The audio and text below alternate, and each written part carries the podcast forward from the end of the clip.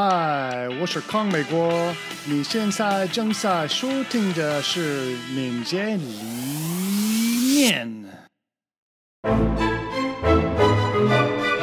导体连续集成。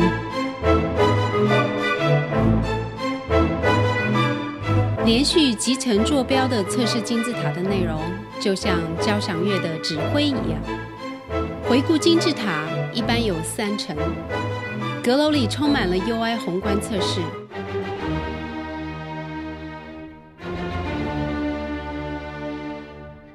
中间有皮下宏观测试，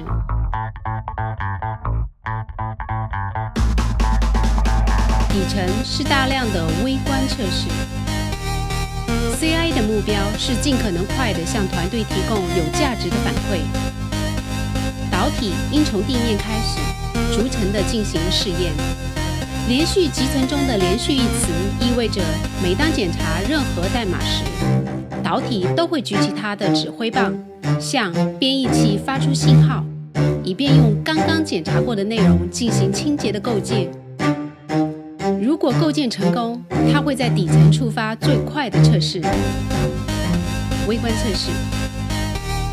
如果测试报告为绿色，那么它会发出手势来准备中间层。这可能需要将服务器部署到一个干净的环境中，或者启动一个服务过程。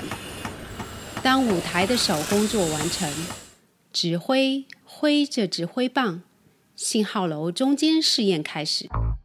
如果他们的表现再次是绿色的，那么接下来发生的事取决于顶层测试中可用的基础测试的复杂性。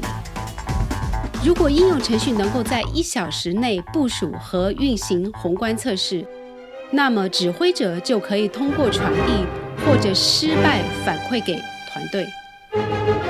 有了宏观测试，这个快速需要大量并行运行的构建代码，比如测试云。如果没有足够的生成代理可以运行那么快，那么，通常导体把它的座位以连续的方式，只有执行的金字塔前两层，让宏观测试在每十二到二十四小时的计划构建中执行。在一个新的切入执行站，并且一遍又一遍重复这个过程。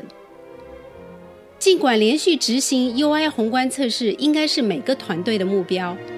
但大多数的公司都没有投资于这样做的基础设施。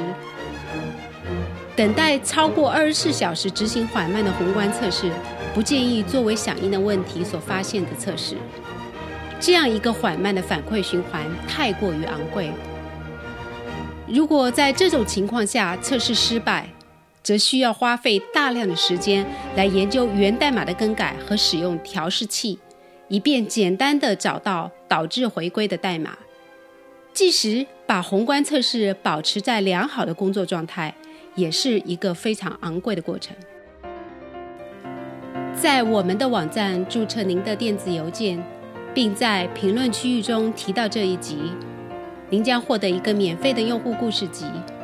这些故事描述了团队和组织想要从一个连续的集成服务器中获得的东西。所有这些都是以清晰的用户故事格式编写的。